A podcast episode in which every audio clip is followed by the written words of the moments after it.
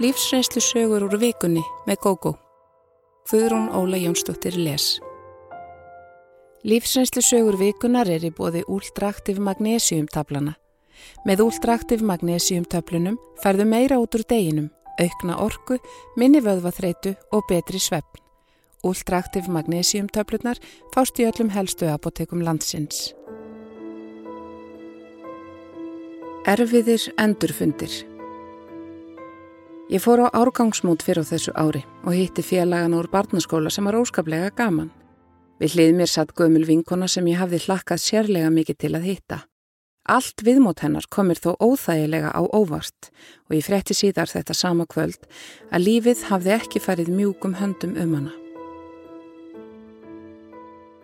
Það urðu miklir fagnadarfundir með okkur krökkunum þetta kvöld en vegna búsettuminnar Erlendi sem árabil var þetta fyrsta árgangsmóti mitt.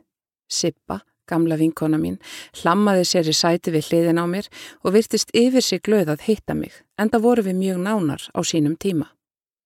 Hún spurði mig mikið út í líf mitt en var frekar þögul um sitt. Ég komst þó að því að hún átti þrjú börn, var tvígift og tví fráskilin. Hún vann á skrifstofu og allt var í lukkunar velstandi hjá henni. Ég áttaði mig fljótlega á því að Sippa var full af beiskju og hatri út í allt og alla. Hún kvíslaði að mér sögum af skólasískinum okkar og fæst var jákvætt. Hún talaði illa um allt frá ljóskum upp í innflytjandur og fann verstu hliðarnar á öllu málum. Ég fann hvernig hún sogaði orkuna úr mér jæmt og þétt, en það hafði ég ekki áður hitt svo neikvæða og erfiða mannisku. Þegar hún fór svo að útúða múslimum reyndi ég að leiðrætta rángfæslur hennar og fordóma á eins ljúvan hátt og mér var und. Þú sem býrð á Norðurlöndunum ættir best að vita hversu mikil pláa þeir eru, fullirti hún. Svo fór hún að segja mér langa sögu af múslima sem hafi farið illa með íslenska konu. Marti þeirri sögu myndi mig á árin mín ömrulegu þegar ég var gift grísku manni, en ekki grunaði mig að hún hefði svipað að reynsluða baki. Ég gæti ekki stilt mig um að segja reglulega, já, svona var einmitt maðurinn minn, þessi kristni, eða fyrir finnst ofbeldi og karlremba ekki allstæðar.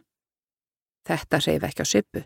Hún varð bara nexlari á mér fyrir að opna ekki augun fyrir stóru hættunni. Um leið og borðhaldinu lauk farði hún sig yfir á annað borð og andrumsloftið var strax letara. Gamal bekkerbróður minn settist hjá mér og við töluðum saman lengi kvölds. Hann hafði fylst með orðaskiptum okkar Sippu, þekkti vel til hennar í gegnum eiginkonu sína og sagði mér að líf hennar hefði verið erfitt. Hún giftist ung manni sem reyndist vera ofbeldisfullur.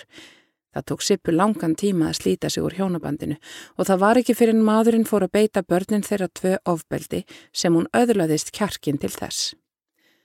Rúmu ári setna var staða hennar enn erfið. Þrátt fyrir að hafa fengið skilnaði mannin leta hann ekki friði.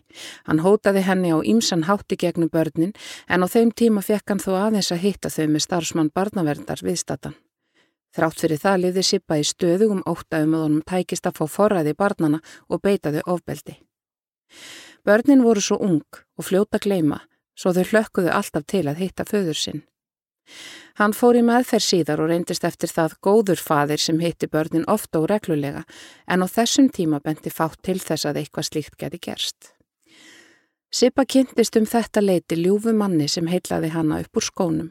Hann kom eins og bjargvættur þegar hún þurfti mest á því að halda. Þótt allir í kringum Sippu síndu henni stuðning, upplýði hún að sér hefði verið bjargað af þessu manni. Hún setti allt sitt raust á hann en því miður reyndist hann vera úlfur í sögðargeru og í raun hættulegri en fyrir maðurinn. Honum tóks með tímanum að einangra sippu og telja henni trúum að engin stæði meðinni nema hann. Hún hætti smám saman að treysta á baklandi sitt og varð algjörlega háð þessu manni. Þau eignuðist eitt barn þau tíu ár sem þau voru saman. Þegar þessi maður var búin að einangra hanna frá öðrum, fór hann að sína af sér hinnar verstu hliðar og beitti hanna andlegu ofbeldi. Þá fyrst áttaði hún sig á því að hún var búin að brenna allar brýrað baki sér og gæti ekkert leita lengur. Það var ekki Sippa sem sleið sig lausa úr þessu hjónabandi, heldur yfirgaf maðurinn hanna fyrir aðra konu. Sippa hefur enn ekki jafnað sig og verður vist bara beskari með tímanum ef eitthvað er. Henni tóks með tímanum að endurheimta sambandi við fjölskyldu sína og einhverja vini, En hún hefur ekki tekið karla í sátt og hatast vist ekki bara við innflytjandur, heldur líka karlmenn þótt hún hafi ekki eins hátt um það. Eftir árgangsmótið var ég mjög hugsi og ímisatvikur eigin hjónabandi reviðust upp. Ég hafði ekki leitt hugana svo mörgu því tengdu í mörg ár en þótt ég hefði upplifað sitt af hverju erfitt skildi það ekki eftir hatur og besku í hjarta mínu eins og hjá Sippu og það glatti mig. Ég var rúmlega tvítug þegar ég fór til náms í bandaríkunum. Þar kynntist ég manni sem ég varð ástfangin af við fyrstu sín. Ástinn var endurgoldin og það síðasta sem okkur fannst skipta máli var ólíkur upprinni okkar. Fóreldrar hans voru grískir innflytjandur sem rík heldu í venjur og siði heimalandsins. Þau hötuðu mig frá fyrstu sín. Ég var villutrúarmanniska í þeirra augum. Það var ekki einu sinni bóði að ég gengi í grísku réttrúnaðarkirkjuna Kvorki migni kærasta minn langaði til þess. Trú er svo hugleg og það er alveg hægt að vera góð manneskján þess að tilhera kirkjusöfniði. Ástinn sigraði mótlætið og við giftum okkur um um tveimur árum eftir að við kynntumst. Baráttan fyrir sambandi okkar gerði okkur nánari og þjappaði okkur saman en þegar henni var lokið tók hverstagslífið við og þá fórum við fyrst að kynnast. Ég get eiginlega ekki líst því áfalli sem ég varð fyrir þegar ég áttaði mig á því að maðurinn minn var karlremba og skildi mig ekki þegar ég reyndi að koma honum í skilningu um að tímanir væru breytir. Við höfðum verið gift í ár þegar hann lagði á mig hendur fyrstir yfirildi um rétt minn til að fara út með vinnufélögum mínum. Þá voru við fluttir Íslands. Maðurinn minn setti á stopplíti fyrirtæki hér á landi og tók því ekki vel þegar ég vildi ekki sjá um bókald og símsvörun fyrir hann, launa laust. Mentun mín hefði ekki nýst í því starfi og ég vildi líka hitta annað fólk á daginn, en það var honum þyrrnir í augum. Ég varð ófrisk, en misti fóstrið eftir tæplega sjö mánuða meðgöngu. Þegar ég kom heim af spítalanum með mömmu var hann í vinnunni.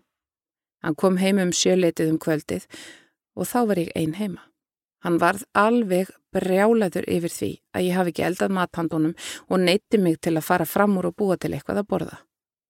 Þar sem hann vann lengri vinnudag en ég, hafði það komið í minn hlut að sjá um öll heimilisverk og því hafði ég ekki reynd að koma honum inn á 20. öldina sem þá var. Með því að krefjast ég að brettis. Þarna fannst mér hann þó sína mér, veikri og sorgmætri, svo ljóta framkomu að ég fór í fyrsta skipti að hugsa um að skilja við hann. Auðvitað hafðan kosti, hann var ofbáslega hrífandi og ástriði fullur einstaklingur sem gaman var að tala við en Karlrembu þátturinn í honum varð sífælt sterkari. Hann myndi mig svo litið á lýsinguna á setni eiginmanni Sippu, þeim sem einangræði hanna frá baklandi hennar, því það fór til dæmis ósegjanlega í taugarnar á manninu mínum að fá gesti. Samt reyndu allir að tala yngungu ennsku svo hann gæti verið með í samræðinum því honum dætt ekki hugarinn að læra þetta asnalega tungumál, íslenskuna. Við hjónin skildum fyrir rest og þótt ég hafi sýrt barnið okkar sem fekk ekki að lifa er ég samt í aðra röndina þakklátt fyrir að hafa ekki eignast barn með þessu manni. Fljóðlega eftir skilnaðin flutti hann aftur til bandaríkjana og án og gríska eiginkonu og fjögur börn. Fjölskylda hans var vist heiminn lifandi yfir því að vera laus við mig, villutrúar konuna. Það var ekki fyrir nokkru mánuðum eftir skilnaðin sem ég áttaði mig á því hversu kúð ég hafði verið. Kúarar og ofbeldismenn finnast allstæðar, í rauðum Íslendinga og Grekja, jamt sem annara. Ég neyta bara að hlusta á þessar grímulausu árásir á saklust fólk. Ég á vini af öllum þjóðirnum, líka múslima, elskulegt og fríðelskandi fólk, döð fegið að hafa losnað úr kúun sem það uppliði í eigin heimalandi. Ég hef í huga að misjapsauður er í mörgu fjö, en reyni að falla ekki í þá grifju að dæma alla eftir nokkrum rótnum eplum, sama þótt áróður um annað dinni á mér, til dæmis á Facebook. Sumt er hreinlega falsað í því eina skyni að hræða almenning. Vissulega hugsaði ég með mér fyrst í stað að allir grískir menn væri ömurlegir, en smám saman áttaði ég mig á því að ég væri með því að dæma ansi marga út frá hegðan eins manns.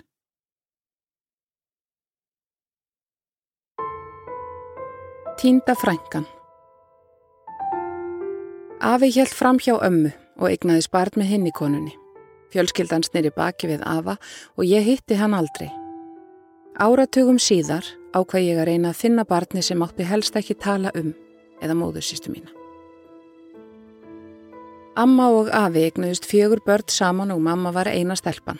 Allir heldu að hjónabandi væri gott, en svo reið neykslið yfir. Afi hafði átt sér viðhaldi nokkur ár og allt komst upp þegar hann eignaðist barn með konunni. Ég veit ekki hvernig amma komst að þessu. Þeir sem það vissu voru dánir þegar ég fekk skindilega óviðráðanlega þörf fyrir að finna barnið, hann að móðursistu mína, sem var bara fimm árum eldri en ég. Þegar komst upp um Afa varð allt vittlust og honum var fleikt öfugum út. Hann misti þarna fjölskylduna á einu bretti. Enginn kærði sig um að tala við hann, þvílik var reyðin út í hann. Hann flutti til konuna sem hann hafði haldið við og eignaðist són með henni tveimur árum setna, dreng sem ljast mjög ungur. Amma leiti ekki við neinu manni eftir þetta og eitti æfinni að hata afa. Ég hefði líklega aldrei komist að þessu ef ég hefði ekki heyrt hann að tala um þetta. Sagt er að pottarnir hafi eiru og það múr sannlega segja það um mig. Ég var forvitin krakki sem bjó í ömmuhúsi og hafði ofbáslega gaman að því að hlusta á mömmu og ömmu spjalla en amma talaði helst ekki um afa nema við hanna. Aðrir þorðu ekki fyrir sitt litla líf að minnast á hann. Ég lærði að láta líti fyrir mér fara og virðast áhugalaus og þóttist upptekinn við að lesa eða lita í litabók út í horni og meðan eirun á mér tetruði af spenningi þegar amma var að tala um þetta hræðilega leindarmál við mömmu. Ég hafði vit á því að spyrja ekki um neitt og þannig mór segja að ég hafi komist að þessu. Þegar ég var ögn yngri var ég send út að leika mér eða inn í herbergi á meðan amma og mamma spjölluðu en eitt hvað var til þess að forviti mín kviknaði og þá tókst mér smám saman á þennan laumulega hátt að komast að öllu saman. Setna meir Þegar ég var orðin fullorðin reyndi ég að spyrja mömmu út í þetta en hún vildi sem minnst segja. Saði bara að þetta ætti að vera glemt og grafið og afi minn sem ég fekk aldrei að hitta hefði sínt af sér ófyrirgefanlega hegðun. Ég flutti með manninu mínum og tveimur börnum til útlanda og tilvera dóttur hans afa glemtist árum saman, eiginlega í nokkra áratvíi. Ég veit ekki almennilega hvers vegna en skömmu fyrir jól fyrir nokkrum árum var ég á leiðinni heim til Íslands í jólafrí og þessi ókunnuga móðursýstir mín kom upp í huga minn. Mamma og bræður hennar höfðu aldrei sínt minsta áhuga á því að kynnast sýstur sinni en á þessum tíma var mamma dáin. Líklega hefði ég ekki lagt í að reyna að leita að henni ef hún hefði enverið á lífi. Það hefði án Eva gert hana reyða eða sært hana. Réttlætiskend minni var misbóðið vegna þessa alls. Dótturinn sem afegnaðist fram hjá ömmu bara enga sök á neinu. Hún átti sískinni sem hún fekk ekki að kynnast. Það var eins og hún væri ekki til. Hún var það í raun ekki augum ömmu og barna hennar. Elsta dóttur mín býr á Íslandi og á hér eigin mann og barn. Við hjónin ákvaðum að vera hjá þeim um jólinn. Ég ætlaði reyndar að verja öllum desembermánuði hjá henni en barnabarnið okkar var aðeins nokkur að vikna gamalt og ferðin var farin til að sjá það. Maðurinn minn var fastur í vinnu og ætlaði að koma daginn fyrir þorlagsmessu. Kanski, vegna litla barnabassins míns, fór ég að hugsa um litla framhjáhaldsbarni sem hafði fæðist 60 árum áður og var svift því að fá að kynnast eldri hálfsískinnum sínum. Mér fannst mamma jafnbreið út í þessa sýstu sína sem hún hafði aldrei kynst og afa fyrir sveikin við ömmu. Ég skráði mig á Íslendingabók og fann ab móðusistur minnar þar og eftir leit á já.is fann ég gemsanúmerið hennar og ringdi. Hún svaraði ekki og heldur ekki í heimasíman, svo ég fann númerið hjá manninum hennar og ringdi í það. Maðurinn varð hissa þegar ég sagðunum hver ég væri og að ég þráði að hitta þessa frængu mína sem fjölskylda mín hefði í rúma hálfa öld látið sem væri ekki til. Hann sagði mér að hún væri á ráðstefnu í útlöndum en væntanlega eftir nokkra daga. Hann skildi láta hann að hafa símanúmeri mitt, en hún er því að ráða því hvort hún vildi hafa samband við mig. Ég saðist vera sammála því. Ég vildi ekki þraunga mér inn í líf hennar, en mér langaði mikið til að kynast henni. Um það byrj viku setna ringdi símin og móðursýstir mín var á línunni. Hún virtist indæl en var greinilega á verði. Ég spurði hana hvort hún vildi hitta mig á kaffihúsi en hún sagðist frekar vilja fá mig í heimsók til sín. Dægin eftir fekk ég lánaðan bíl og fór í kvöldverð til tindu frængunar í fjölskyldunni. Ég var bæði full kvíða og tillökkunar. Mér brá svo liti þegar ég sá frængu mína. Hún var svo lík mömmu í útliti, bara blíðilegri á svipin. Kvöldverðurinn var notaleg stund sem við notuðum til að kynnast. Þessi frænga mín, sem ég kýsa kalla Margreti, virtist nokkuð ánað með að kynnast einhverjum úr föðurætt sinni en ég var fyrsta og eina manneskjan sem hafði sett sig í samband við hana. Hún átti ekki von á því að kynast nokkrum í fjölskyldunni. Þegar hún var í kringum fermingu dó pappinas, afi minn, og skömmu eftir jarðarföruna sagði mamminar henni frá því að hún ætti fjögur eldri sískinni sem vildu ekkert af henni vita. Þau mættu ekki einu sinni jarðarföruna hans, slík var reyðin. Fadir þeirra var löngu dáinni þeirra augum hafði bróðir mömmu sagt við mömmunar þegar hún letuði vita af andlátinu. Mér bráð þegar ég hyrði þetta. Ég vissi ekki að heiftin hefði verið svona mikil. Amma brotnaði algjörlega niður eftir að hún hendi Ava út sem gerði börn hennar alveg brjálið út í Ava og það jafnaði sig aldrei. Amma kynnti eflust líka undir heiftinni með ískaldri þögninu um hann. Ég er eiginlega vissum að hatrið og heiftin út í Ava hafi stitt líf hennar umtalsvert því hún varð ekki gömul. Ég var alltaf hálf hrætt við ömmu þótt hún hafi aldrei verið vond við mig. En amma var þannig persóna að ef mamma og bræður hennar hefðu reynd að tala við barnið, hans afa, hefði amma aldrei yrt á þau aftur. Hún var svo heiftúðug og stjórnaði börnunum sínum á þann hátt. Við Margrét urðum perlu vinkonur. Ég kynnti spörnunum hennar og barnabörnum sem voru þrjú á þeim tíma og kynnti hana fyrir dóttur minni og fjölskyldu hennar. Ég og maðurinn minn fórum jólabóð heim til hennar og annan í jólum og það var indisleg stund. Þetta voru bestu jólinn mínum langa hríð. Ég hitt ekki bara fyrsta badnabandi mitt, heldur eignaðist í frábæra frængu sem eru svo góð stóra sýstir. Við margrið töldum góðu sambandi á Facebook og alltaf þegar ég kem til Íslands, sem er allavega tvísóra ári, heimsaki ég hana og mannin hennar. Fransiskinni mín, börn, móður, bræðra minna, eru frekar hissa á þessu bröldi í mér eins og þau orða það og ekkert þeirra hefur sínt nokkur náhuga á því að kynast margriði. Það er þeirra mál og þau missaða miklu. Mér finnst þó kjánalegt að gamalt hatur skuli nánast erfast yfir á næstu kynnslóð en ég reyni ekki að breyta skoðun þeirra. Þegar ég er á landinu fyrir við Margrit saman á kaffihús, skreppum í búðaferð á laugavegin og fleira og höfum oftar en einu sinni verið spurðar að því hvort við værum sistur. Við þykjum líkar í útliti og svo er aldursmunurinn líka svo lítill á okkur.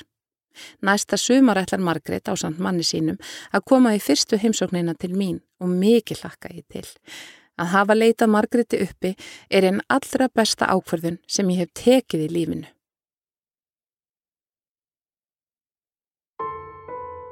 Besti pappi í heimi Mér fannst ég alltaf vera hálf utangarðs í eigin fjölskyldu. Ég gatt þó leita til pappa þegar mér leiði illa og hann síndi mér mun meiri væntum þykju en mamma gerði. Heimur minn hrundi þegar ég komst að því að hann var ekki lífræðilegur fadir minn. Mamma og pappi voru pari tæft ár og hættu saman í nokkra mánuði.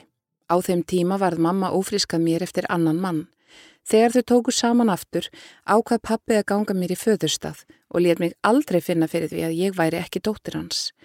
Mamma síndi mér aftur á móti yfirleitt leiðinlega framkomu.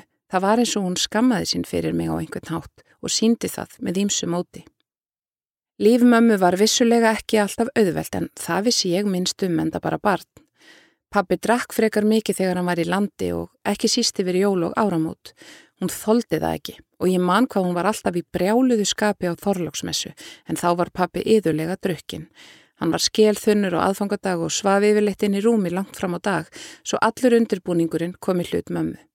Eftir að ég varð aðeins stálpaðri var mér skipað að hjálpa til. Ekki beðin um það, heldur skipað. Auðvitað var sjálfsagt að hjálpa en ég gerði það aldrei með glöðu geði.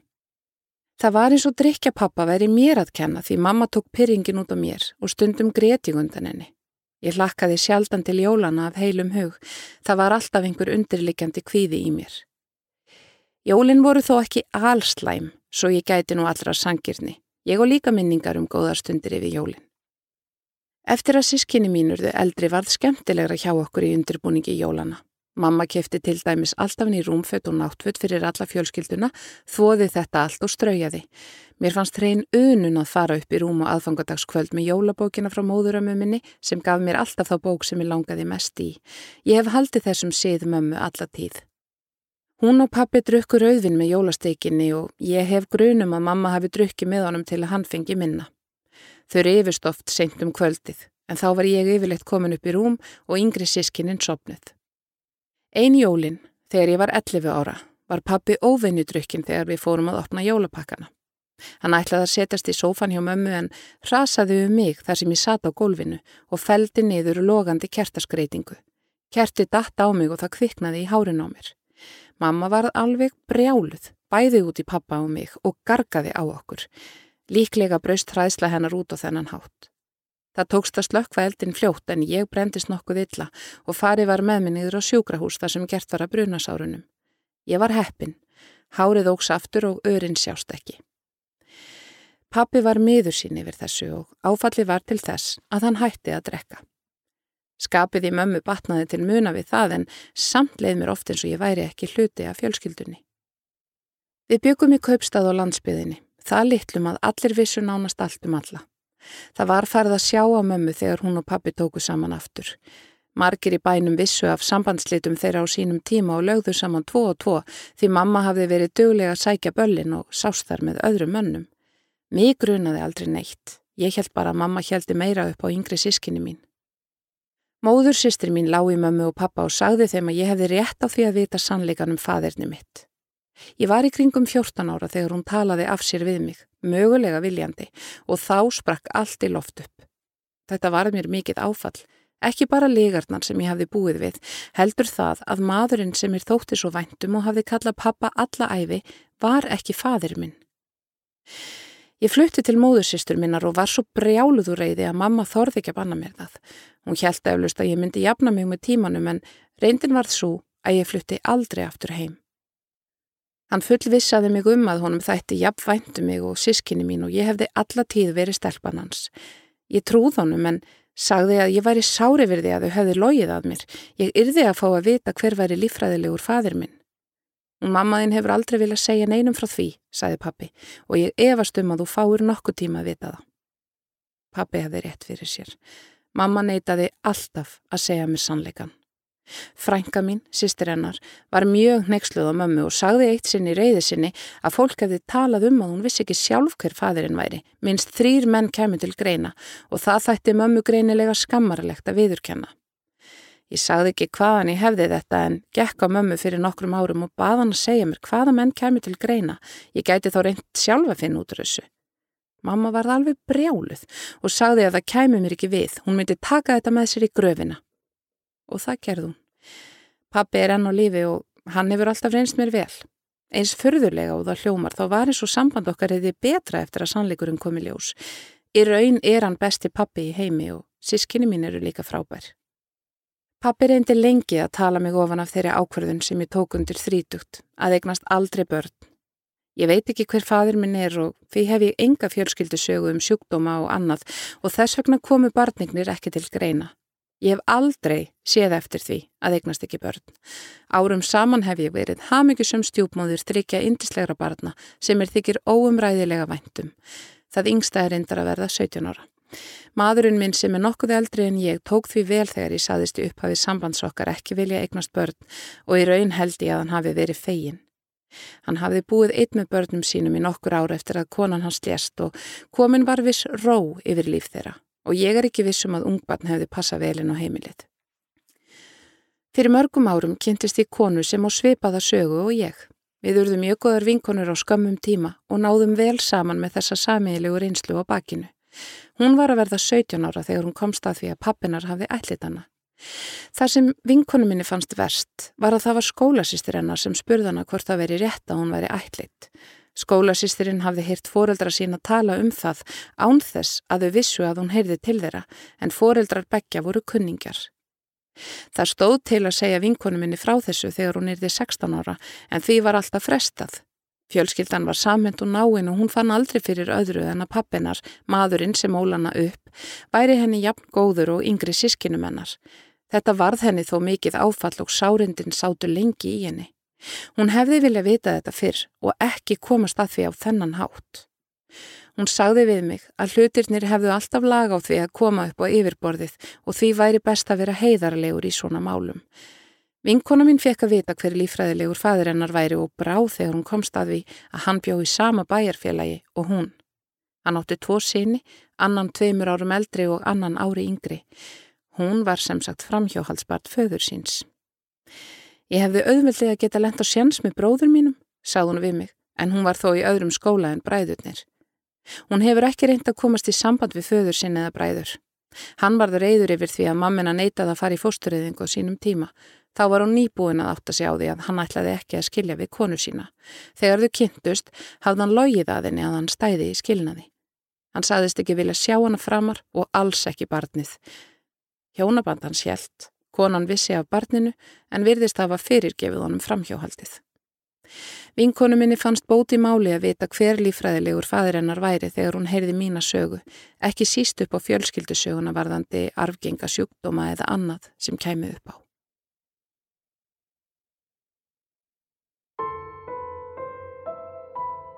Með alla ásana á hendi.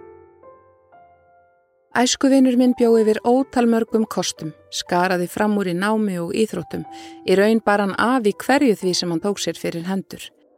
Hann hafði útliti með sér að auki og naut mikillar kvennhilli. Við Ragnar byggum við sömu götu og sátum hlið við hlið í skólanum. Hann var alltaf hæstur í beknum og fekk oftar en ekki verðulegn og viðurkenningar fyrir framistöðu sína í skólanum. Ekki virtist að breytonum. Hann var alltaf sami skemmtilegi vinurinn og naut mikill að vinsælda meðal bekkerfélagana. Hann tók þátt í óknittu með okkur vinum sínum en meðfættur sjarmi hans bjargaði okkur oftar en ekki úr klípu hjá kennurunum og skólastjóranum. Engin virtist öfundan. Krakkarnir sættu sig einfallega við að hann væri bestur. Strax á unlingsaldri naut Ragnar gífurlegrar kvennhilli og gætt valið úr stelpum í skólanum. Honum líkaði það reynd ekki illa en sambund hann stóðu þó fæst lengi yfir. Hann virtist hafa eitthvert lag á því að hætta með stelpunum án þess að þær eruðu sárar eða reyðar. Ég kann ekki að lýsa því öðruvísi. Guðmjöl kærasta hans frá því þau voru 15 ára er enn vinkona hans og hefur einst honum vel alla tíð. Með árunum var þann sífælt meiri kvennamadur ef ég get orðað það svo og oft leist mér illa á blikuna þótt ég hafi ekki verið neinn tebra í þessu málum sjálfur. Mér er alltaf minnistætt atvik sem var mjög lýsandi fyrir hann. Við fórum saman út á lífið eitt kvöldið. Við stóðum saman við barinn og virtum fyrir okkur fólki þegar tvær fallegar stelpur komu inn. Ég sá strax að auguragnar spindust að annari þeirra og það var eins og einhver segull byggi í augnaráði hans því þar gengu beint til okkar. Eftir ótrúlega skammastund vorum við fjögur komin inn í leigubíl á leið heim til stúlkunar sem Ragnar hafið pöfrað upp úr skónum. Ég og vingunan sátum eins og aular fram í stofu og meðan þau tvö fóru inn í herbyrgi. Hálftíma setna voru við Ragnar komnir á djamið aftur og hann endur tók leikinn, fann sér aðra til að verja nóttinu með en þá var ég að vísu farin heim. Ragnar útskrifaðist úr mentaskóla með hári engun og hefði getað tekið sér hvað sem var fyrir hendur. Hann fór í nám sem þá var vinsælt og reyndi mikið til að fá mig með sér í það. Við döð langaði til þess en ákvaða að vera skinsamur og elda hann ekki. Á þessum tíma var þó ekki hlaupið að því að fá góða vinnu í þessu fæi og frambóðið af fólki meira en eftirspurnin. Þar sem einhvernir mínar voru ekki jafn góðar og Ragnars valdi ég annað fag sem er hugnaðist vel og sé alls ekki eftir því. Ragnar fekk ljómandi gott starf eftir námið og var ekki lengi að ná upp metorðastegan. Hann var hversmanns hugljófi. Hann skipti um vinnu nokkrum árum setna og fór að starfa á stórum vinnustad þar sem konur voru í meiri hluta. Annað hefði komið mér á óvart, svo vel þekkti ég hann. Nýja starfinu fylgdu ferðalög til útlanda á ráðstöfnur fundi og slíkt. Hann naut gífurilegrar kvennhilli og sagði mér þegar við vorum að verða færtugir að hann hefði sofið hjá hátt í 200 konum. Á þeim tíma voru tíu ár síðan að gifti sig. Hann átti indislega konu og tvö börn. Hann var yfir sig ástfangin af henni og vildi allt fyrir hann að gera. Gaf henni endalu stýrar gafir sem ég held að hafið að hluta til veri vegna samviskubits því hann reði ekki við sig nálagt öðrum konum. Á vinnustadans voru konur varaðar við honum þegar þar hófu störf en sumum þeirra þótti hann bara enn meira spennandi fyrir vikið. Ragnar fór að drekka strax á mentaskóla árunum og með árunum jókan drikju sína en passaði upp á að það bitnaði ekki á starfinu. Drikjan gerði hann enn hömluleysari þegar koma hvernamálum. Hann átti yfirleitt fast viðhald og það kom nokkrum sinnum fyrir að hann sagði konu sinni að hann væri að fara á ráðstefnu, fund eða annað í útlöndum þegar hann var bara að heimsækja viðhaldið yfir helgi. Gjafir sem hann hafi keipti fyrir vinnuferðum sínum til útlanda, gemd hann á vinnustanum sínum og ferði fjölskyldunni við heimkomu. Hann gat verið ótrúlega ósfifin gagvart fólkinu í kringum sig. Eitt sinn baðan mig um að koma heim til sín og hjálpa sér við að koma saman íkega hillusamstæðum í barnaherbyggin. Hann hafði losað sér fyrir konuna og börnin úr húsinu með því að segja að það myndi trublan að hafa þau heima. Þegar ég mætti á staðin var hann byrjaður að setja aðra hisluna saman. Hann rétti mér bjór og fekk sér sjálfur einn. Við unnum í um hálftíma og svo saðan, er þeir ekki sama þótt í skreppaðins, bara í svona klukkutíma? Hann blikkaði mig og þá vissi ég að hann var að fara að hitta viðhaldið. Hann bætti við, ef konum minn kemur snemma heim, viltu þá segja hann að ég hafi farið út í sjóppu og ringja svo í mig, þá kem ég í kvelli. Ég reisti hausin, en saðan má drífa sig. Tveimur tímum setna var ég búin með verkið en ekkert bólaði á vininum. Ég dreif mig heim en endi ekki að ringja í Ragnar og láta hann vita. Ég gæt þó ekki verið mjög fullúti hans þótt mig grunaði að það hefði verið ætlun hans allan tíman að láta mig einan um þetta. Þetta var í síðasta sinn sem ég hjálpaði honum óavitandi við framhjóhald og þóttist upprikinn ef hann baði mig um að gera sig greiða. Eginkonan, hjákonan og skyndikinin nægðu Ragnari ekki. Hann varð yfir sig ástfangin enn eina ferðina og fekk sér aðra hjákonu og var þar með farin að halda fram hjá bæði eiginkonunni og viðhaldinu. Heilsa hans versnaði sífelt vegna drikjunar og það bytnaði á starfi hans. Samstagsfólkið áttaði sig á því hvað var í gangi og á endanum var hann sagt upp. Hann hafði fengið viðvaranir og einni bóðum hjálp sem hann leita á sem afskiptasemi. Ragnar átti ekki við áfengisvandamál að stríða, að eigin mati. Um svipa leiti og Ragnar misti starfið brast allur líga vefurinn og líf hans hrundi. Ég veit ekki hvað gerðist en finnst líklegt að hann hafi verið orðin kærulus og drikjan hafi átt stóran þátt í því. Það getur ekki hafa verið auðvelt að lifa svona markföldu lífi árum saman, að þurfa að ljúa svona mikið og standa sig jafnframt vel í krefjandi starfi. Hjónaband Ragnars og konu hann stóði í 15 ár og ég dái staðinni fyrir að hafa þrauka svona lengi. Hún vissi öruglega að hann var henni ekki trúr, það getur ekki hann að verið og væntanlega ákveðið að sætta sig við það. En hún hafði áreiðanlega ekki hugmyndum nema brota því sem hann aðhafðist. Á örskamum tíma snerist líf Ragnars og kvolf. Hann misti starfið, konuna og bæði viðhöldin. Hann varð fljótlega bara skukkin af sjálfum sér vegna veikindana og lagðist í meiri drikju. Hann hafði fest kaup á íbúð eftir skilnaðin en mistana. Aðeins 50 að aldri var hann orðin öryrki og flutti til móður sinnar sem var einnig sjúklingur. Eftir lát móður hans fekk Ragnar að búa áfram í íbúðanar með leifi sískina sinna. En drekkur hann þótt heilsa hans leifið það ekki. Ef hann hefði ekki þessa íbúð sem hann væri að búa nánast frítt í, gæti ég trúað að hann væri orðin útigangsmaður. Hann er í litlu sem engu sambandi við börn sín, en gamla kærastan hans og Gakko heldur treyð við hann og er eini vinurinn sem hann vil umgangast. Hann hefur enga heilsu lengur til að standa í kvennafari. Konan mín hefur alltaf sagt að Ragnar væri siðblindur og drikjan hafi markvalda það. Ekki ætla ég að rengjana en það er hún mikil mannþekkjari. Aftur á móti á ég erfitt með að gleima unga Ragnari og hvernig lífið blasti við honum, þessum efnilega, hæfileikaríka, myndarlega og gáfaða vini mínum. Það má alveg segja að Ragnar hafi fengið útlutað eintómum ásum við fæðingu en spilað illa úr spilunum sínum. Fall hans var mikill. Eitt furðulegasta tímabill lífsmýns Þegar heilsan fór að beila fyrir nokkrum árum, held ég fyrst að það stafaði af álægi og streitu. Einkennin vestnuðu og ég var sífælt rættari. Læknirinn mér álaði mér kvilt og venjulegt fólki kringum mig breytist í sérfræðinga sem taldi sig vita hvað amaði að mér og hvað væri til ráða. Ég bjó ein með 12 ára sinni mínum og var í tveimur störfum á þessum tíma. Þar sem ég er mikil félagsfera, leið valla svo dagur að ég hitti ekki vini eða syndi félagsstarfi. Þegar heilsan fór að bila, held ég að þetta hliti að vera einhvers konar álag. Þú fannst mér í raun ekkert í lífi mínu getað orsaka streitu en líklega nægði að slaka meira á til að mér færið að líða betur. Svo fór ég að verða hrætt. Allt hófst þetta með mismiklum kvíðaköstum sem stundum urðu nánast óbærileg. Ég átti til dæmis erfitt með að keira nálagt sjó eða vatni og fannst hræðilegt að aga yfir brýr, jafnvelinn í miðri Reykjavík þótti leti mig hafa það. Ég fór að fá stöðugan fjörfiski bæði augun, senadrátt í fæturna og hjarslátturinn varð allt of hraður.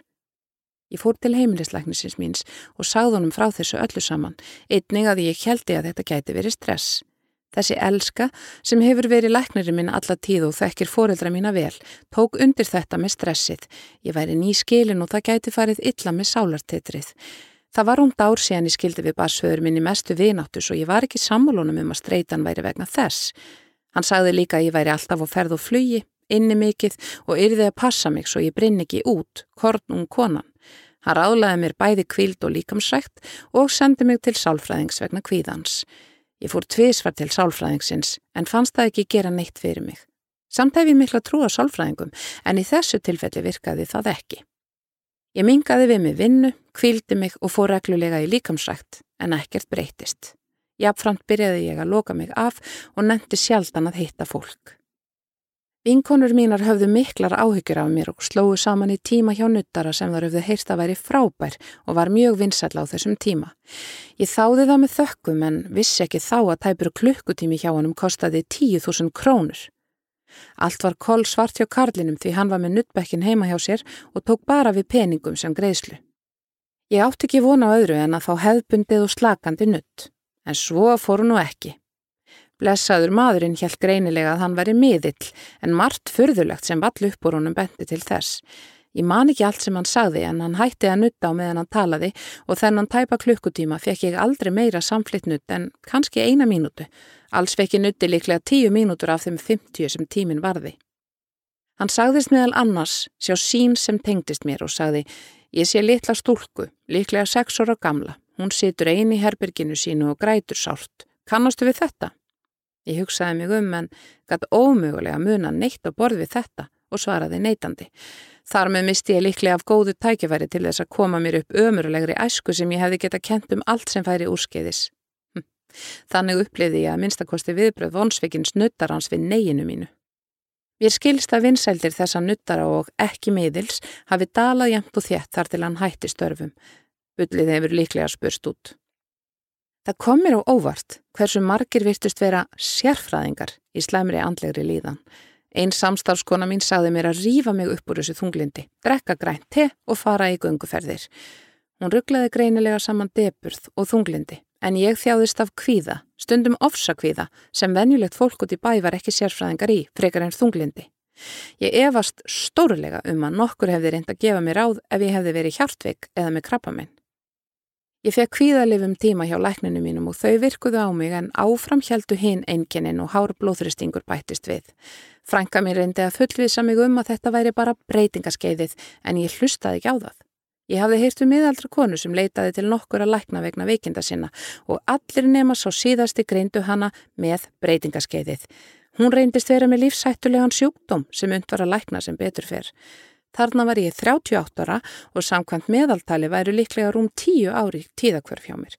En ég var farin að halda að ég væri að deyja úr einhverjum óskilgreindum sjúkdómi, öruglega mjög sjálfkefum. Eitt daginn kom orðið vitaminskortur upp í huga minn. Ég hafði heyrt að slíkur skortur væri nokkuð algengur hér í skamdegislandinu góða og einhverjir þreytir og orkulöysir Facebook-vinir sestust við að taka vítamin. Reyndar fannst mér ólíklegt að vesæl vitaminskortur geti valdið þessu miklu enkennu mínum en spurði samt læknin minn. Ég hafði áður sagt honum að ég borðaði yfirleitt alltaf hotlanmat og hann vildi meina að ég fengi þá líklega öll nöðsynleg vítamin úr fæðunni. Hann var enn fastur í því að ég þyrti bara kvild og slökun, ég væri ofstressuð og hefði of mikið að gera.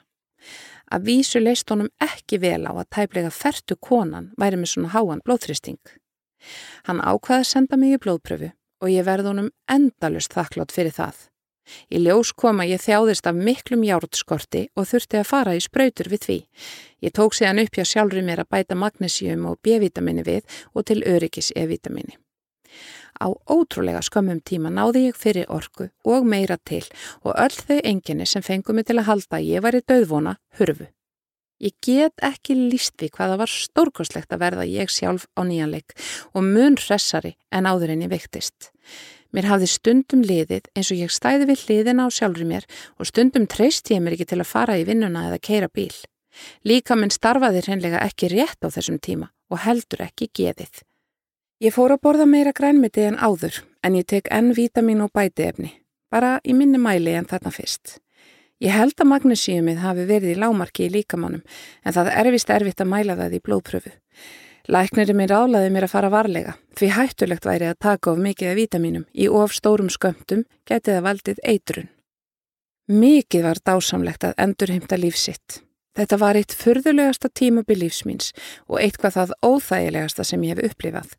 Ég get ekki gert að því að hugsa um hvort til sé fólk þarna úti sem lifir við andlega og líkamlega vanliðan án þess að gera sig grein fyrir því að vitaminskortur gæti verið ástæðan. Ég ráleg þó engum að fara að dæla í sig einu eða neinu nema í samróði við lækni. Vinkona sýstur minnar í Reykjavík gengur alltaf með slæðu yfir hárinu þegar hún er utan þeirra. Sú kona fór að kenna sér meins nokkrum árum eftir að hún flutti hinga til lands. Blóðpröfa leiti í ljós gífurlega mikinn D-vitaminskort. Ekki nómið að miklu minna væri um sól hér en í gamla heimalandinu hennar heldur náði hún ekki að nýta sólskinni nógu vel vegna slæðunar yfir hárinu. Um leið hún fekk D-vitamin endur heimti hún hilsuna. Þegar ég heyrði þetta fór ég sjálf að taka D-vitamin því ég hafði allatíð fundið fyrir smávægilegum þingslum yfir mesta skamdegið og viti menn, það var góð viðbót. Heilin í mér lipnaði við eftir að ég fór að taka vitaminin og virkar eins og hann á að virka. Allt er orðið svo skýrt sem það var ekki áður en ég veiktist. Mikið held ég að mér gengi vel ef ég væri í skóla núna. Svo hugsun kvarlar stundum að mér að stór hluti Íslendinga sé að farast úr vitaminskorti og láti þess vegna allt yfir sig ganga of máttlust til að mótmæla ástandinu í landinu. Það skildi þó ekki vera. Þú varst að hlusta á lífsreynslusögur úr vikunni með GóGó í lestri Guðrúnar Óli Jónsdóttur og framleiðslu Storysight árið 2020. Höfundaréttur Vikan.